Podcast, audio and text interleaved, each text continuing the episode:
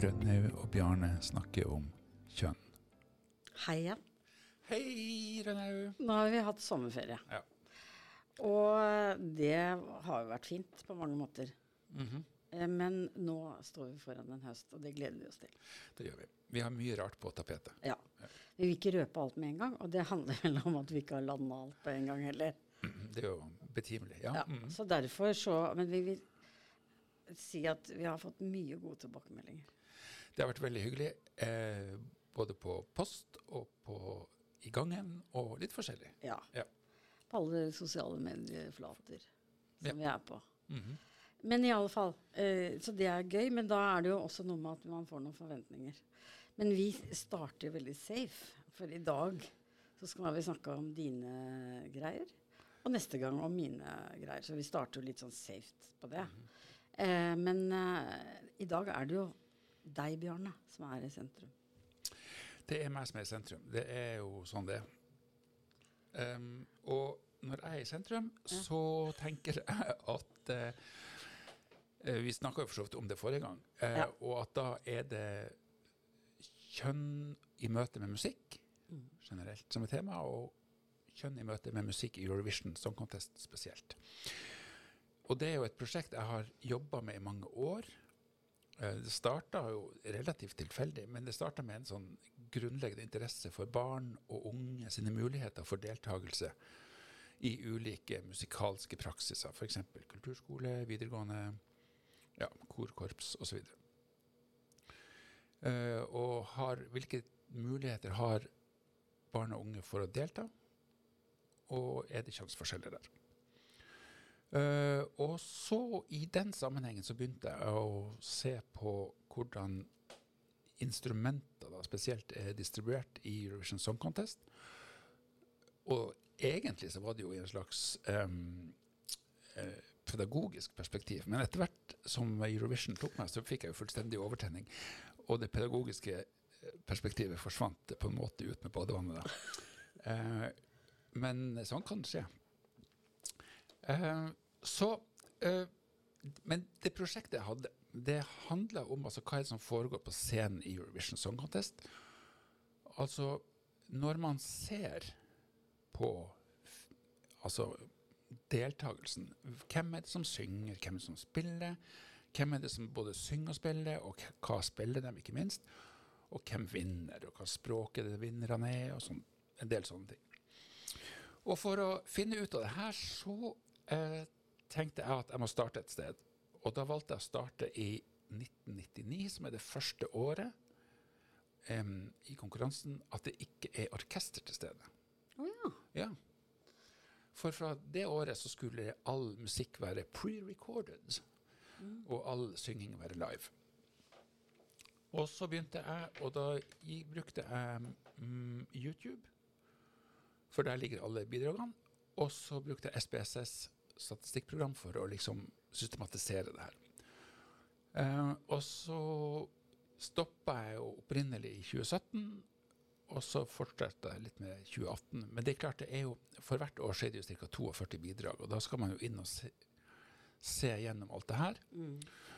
Eh, og liksom markere. Eh, og på noen av de her eh, landene så tok det lang tid, for det var vanskelig for meg å skjønne ut fra navnene, f.eks. Når du ser på opphavspersonen, om det er mann eller dame, eksempel, så måtte vi googling til her.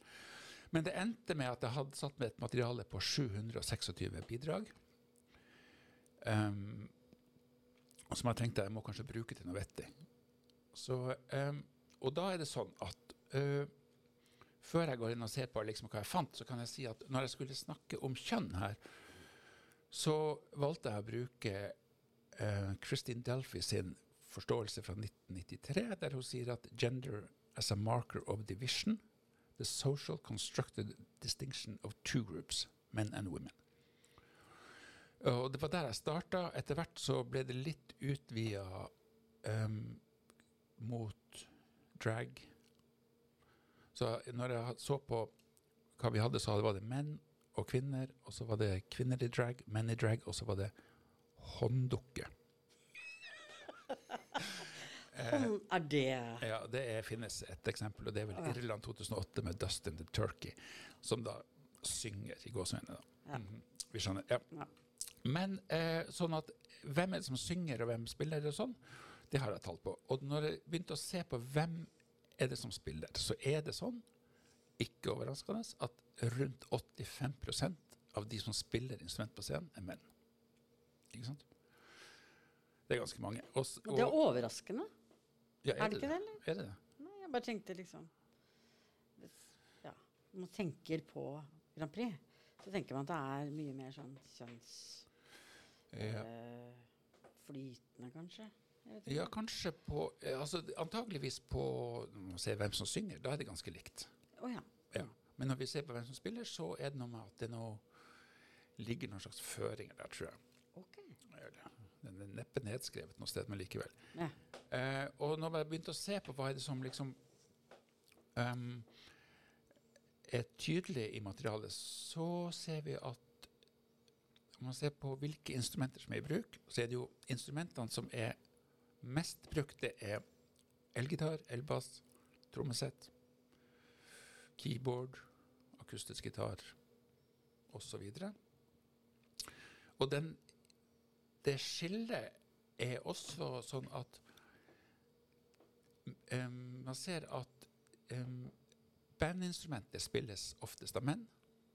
Klassiske instrumenter, hvis man kan bruke det begrepet, er mer likestilt, eller det er mer kvinner til stede der. Som for, for eksempel hva da? Fiolin. Ja. Fiolin. Fiolin og sånn. Ja. Mm.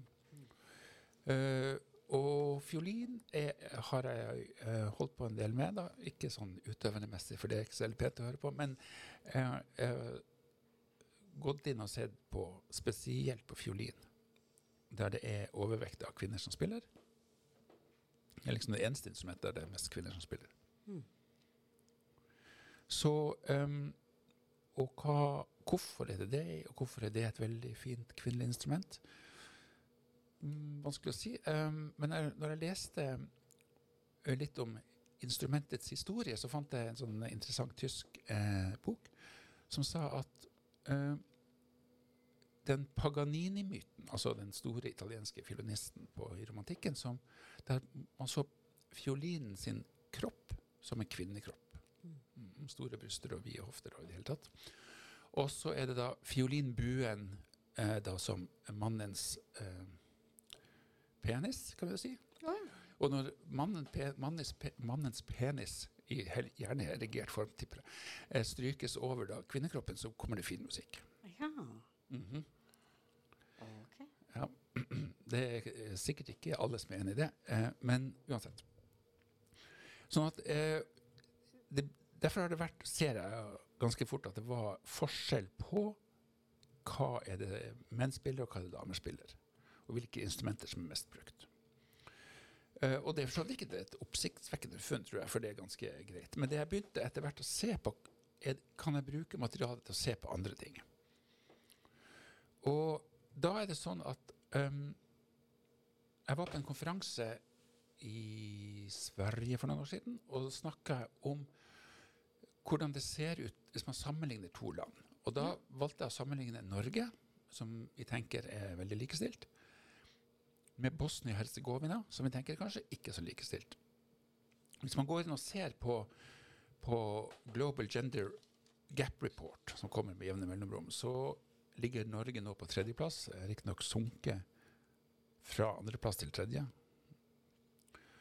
Mens Bosnia-Hercegovina lå tidligere på 87. plass og nå er på 76. plass i verden. Mm. Så da kan man tenke seg at å, Global Gap Report sier da at det er mer likestilt i Norge enn i Bosnia-Hercegovina. Og så gikk jeg inn i materialet for å se hva finner jeg da. Mm. Hva du tror Rønne? Nei, du finner vel at øh, ja, altså, Sånn som man tenker, er at de er så tradisjonelle da, Ja. i Bosnia. Eh, hvis, man, hvis man først ser bare på Norge eh, Det norske kvinner i gåseøyne får lov til å spille på scenen, Mm. Eh, det er stort sett fiolin. Og hardingfele. Å ja. Fordi det, det er jo et instrument som tradisjonelt eh, har vært litt sånn mannsinstrument. Ja, Spellemannstradisjon, liksom. Ja, ikke sant? Den tradisjonen er litt sånn tabu. Men jeg har jo hørt at uh, de fleste felespillere i Norge nå, også innenfor folkemusikk, er kvinner. Mhm. Så fra et sånn tabuinstrument så ble det liksom helt Ja, dominert av det kvinner. kan man tenke Men liksom, jeg har jo sett fra 1999, så det, vi vet jo om også Kleveland og litt forskjellig før den tid. Men altså, eh, norske menn eh, får lov å spille fiolin, piano, trommesett, elgitar og elbass. Kvinner får lov å spille fiolin og hardingfele. Um, så gikk jeg og så på Bosnia-Hercegovina. Eh, der ser vi at eh, kvinner spiller eh, et instrument som heter sagia, og percussion, og fiolin, og piano, og cello, og akkordion. Eh, og ikke bare at de spiller med flere instrumenter, de spiller oftere. Å ja. Så det er flere musikere. Det er flere musikere, og de spiller oftere på en måte eh, Det er flere sanger som har både kvinnelige og mannlige musikere. Så mens i Norge så finner du på en måte instrumenter som er veldig kjønnsdelt, mens i de bosnia-hercegovinske bidragene så ser det ut som at det er mer eh, likestilt på den måten at de blander seg litt mer. Interessant. Ja, det er gøy. Så det har jeg holdt litt på med. Eh, og, eh, og man kan sikkert gå inn og sammenligne mange andre land. Og brukte jeg nå de to da først, for jeg syns det kunne være interessant. Ja, for det er jo noe med, jeg syns er veldig gøy med forskning. er jo Hvis de fordommene du har og sitter med, og Ja. forforståelser og det hele tatt Ja. Hvis det kan tulles eller uh, rotes litt til. Ja, Nå skal jo ikke jeg si at, at Det kan jo tenkes at, at Global Gender Gap Report har helt rett når de sier at, de, at det landet er på 76. plass. Ja. Ikke sant? Så det er jo noen flere og Elementer. at, ja, og jeg tror at, at på en måte deltakelse i Eurovision Vision Song Contest ikke er med i den, Nei. i den sammenhengen, Nei. egentlig.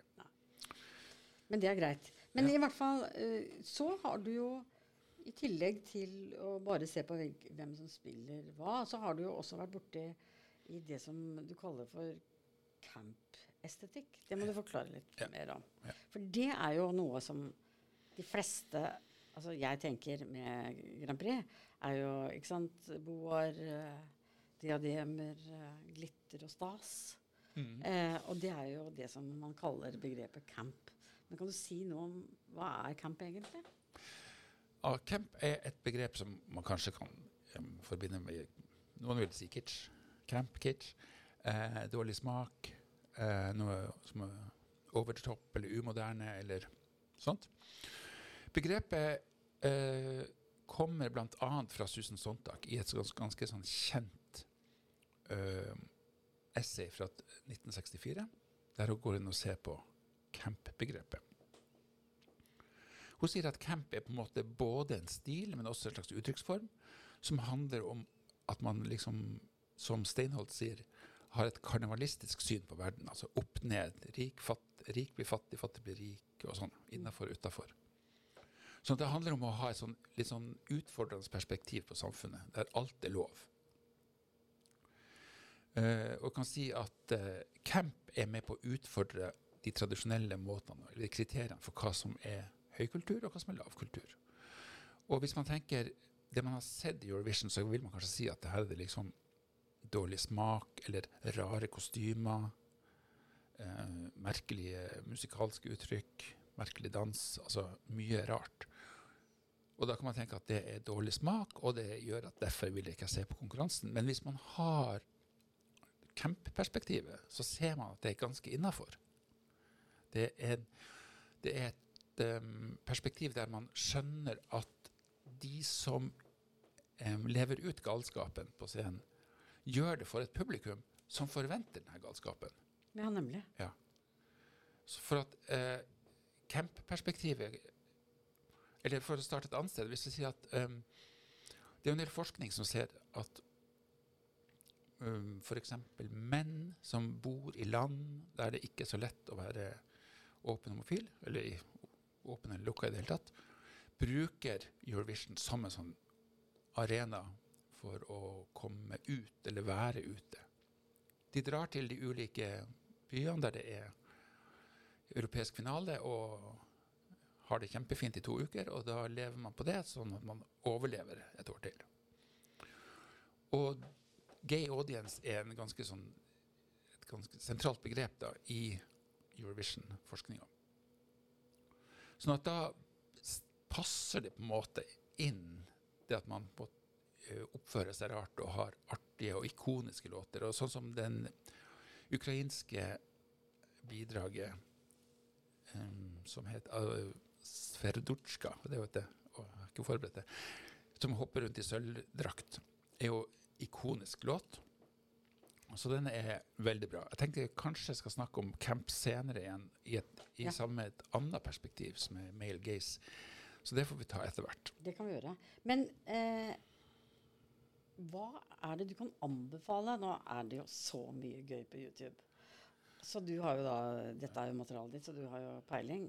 Men hvis vi da skulle med i, For å lage denne lille camp-vinduet eh, hjemme hos oss sjøl, hvilke låter og land bør vi da eh, se på? Ja.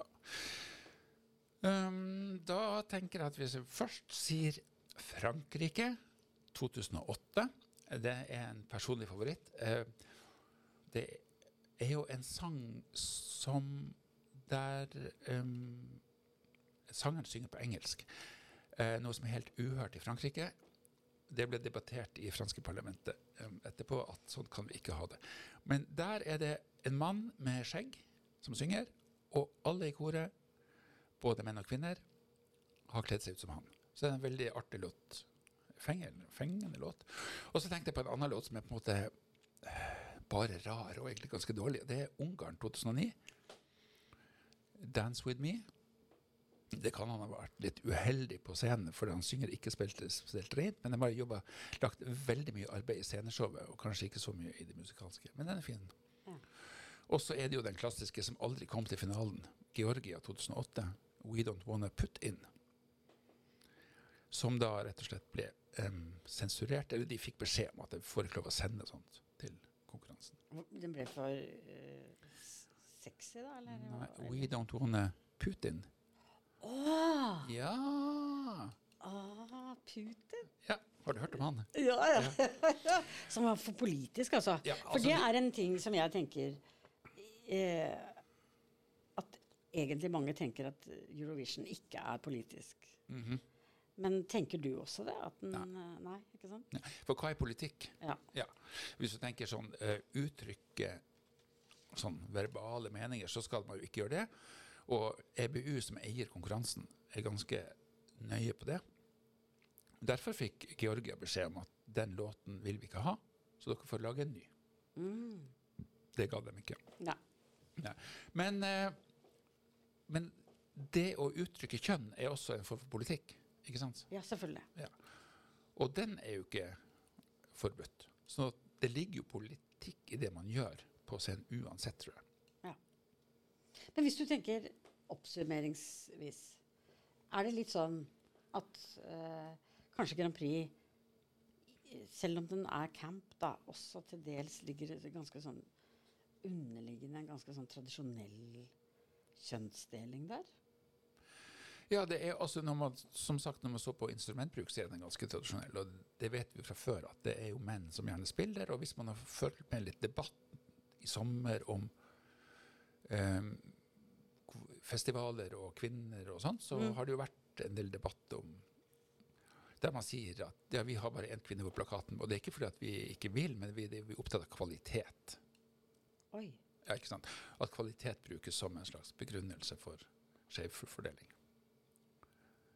Eh, Det er jo ingen som tror på det, egentlig. Men, eh, men eh, det er jo en eksempel sånn. Ja. Så vi finner den delinga også ellers i samfunnet. Mm. Og når jeg får en ny bok eh, fra et forlag, eller sånn, Mm. så begynner jeg å bla gjennom og telle bilder av menn og kvinner. ja. Mhm. Så da oppfordrer vi alle eh, hørelytterne våre, heter det, eh, til å gjøre det samme. Og gjerne send oss da eh, noen sånne små rapporter Mhm. om dette, for vi trenger mange eh, assistenter Ja. i disse lærebøkene rundt omkring. Men eh, da tenker jeg foreløpig vi er ferdig med Eurovision. Mhm. Og at vi nå har kommet fram til det som vi kaller Nytt om kjønn. En fast spalte. Ja, det er en egen spalte.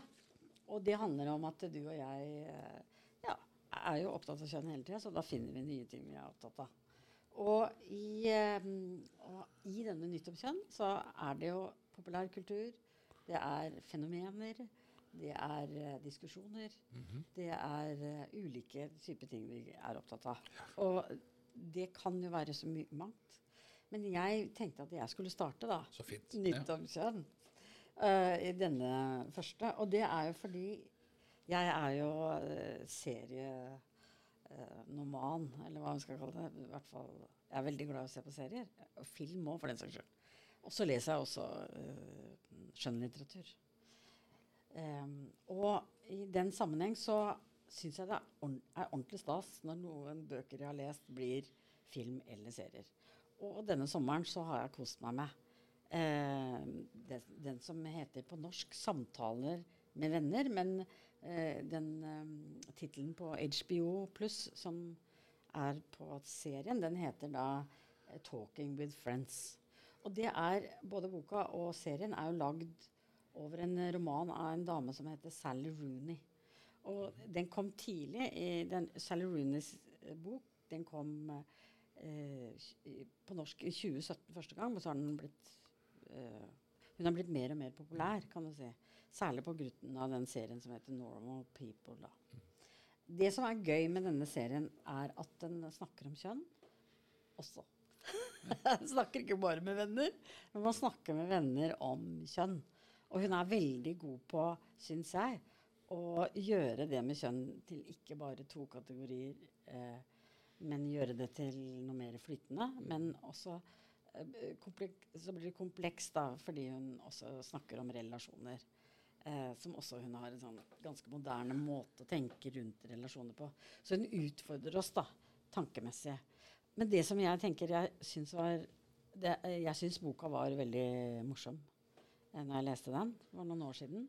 Men når jeg da så på den eh, serien, så ble jeg ekstra litt glad fordi den hadde et veldig sakte tempo. Hele serien. Altså det var De snakket med hverandre. altså samtalebasert eh, eh, film eller serie, det syns jeg er veldig sjelden man får. Så jeg vil anbefale den da, for lytterne våre Og, eh, både se og eventuelt lese. Den er jo mye mer kompleks boka enn det du får ned på en serie, selvfølgelig. Men jeg syns de har fått med seg det meste i den serien, og ble ordentlig glad i de personene. Eh, så hvis du har litt sånn lyst på en litt rolig, eh, ettertenksom, eh, men allikevel litt koselig og litt eh, Ikke så veldig mye dramatikk, men allikevel litt som vanlige folk, så, så anbefaler jeg denne serien til alle og enhver. Ja. Er boka like langsom som serien? Nei. Eh, det handler jo om eh, hva slags bilder man lager inni hodet. Det er mye mer som skjer i en bok vet du, enn det du får til i en uh, serie. Men uh, samtidig så får du jo noe i en uh, Du lager flere bilder, og det er jo det som er gøy med å lese bøker. er at du lager enda flere bilder. Og for så vidt så er det sånn at dette er jo fra Irland, og jeg har aldri vært i Irland, så jeg måtte bare forestille meg noe om hvordan Irland så ut og sånn. Og så uh, er de på ferie i Frankrike, så måtte jeg Jeg har heller bare vært i Paris, så jeg vet ikke ordentlig, ordentlig hvordan Frankrike Jeg måtte forestille meg det, disse bildene. Og da er det jo ved å se en serie hvor de plutselig ikke er på ferie i Frankrike, men i Kroatia, så blir det litt sånn derre «Åh, Hvorfor gjorde de det? Men hva er kjønnsperspektivet her? Kjønnsperspektivet er at det er eh, en jente da, som er hovedpersonen her. Hun er kjæreste både med en eh, dame og en mann. Eh, rel- nesten samtidig, kan vi si. Ja. Eller i hvert fall eh, rundt omkring. Så, og det blir veldig lite dramatisert, dette. Eller altså, det blir ikke så dramatisk, men det er dramatisk på en litt sånn neppe måte. Litt sånn som Irene er, da. I motsetning til en serie som jeg også nettopp har sett, som d- jeg har skjønt uh, som heter Queer as Folk.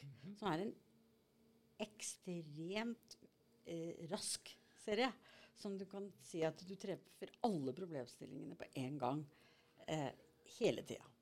Eh, som jeg også vil anbefale, og som jeg nå har skjønt ved å snakke med deg, at den starta tidlig på 90-tallet. Var det en sånn slags kultserie fra Manchester. Og så ble den amerikansk på slutten av 90-tallet. Og så nå er den på en måte re-re-lansert. da. Men hvis alle vil treffe på alle kjønnsfordommene sine og alt de lurer på i forhold til kjønn, så er alt der på de fire episodene. Så det var liksom teaseren var bra. på slutten. Ja. Og du, da? Hva har du vært opptatt av? Du, um, jeg har vært i Sverige i sommer, og da var jeg på em, Tekstilmuseet i Borås, av alle steder. Og der fikk jeg se en utstilling der um, det som heter Bekkadrekten var utstilt. Og det er en ikke-binær folkedrakt. Oi! Ja, ikke sant? Kan man tenke seg at er det mulig? Og da er det sånn at det er en aktivist og kunstner som heter Freddy Samuel Lund, som kaller seg for Freddy Clue, sammen med ei som heter Ida Bjørs, og sammen med Tekstilmuseet, har vært med å utvikle bekkedrakten. da. Bekkadrekten. Som er en slags kombinasjon av en mannedrakt og en kvinnedrakt.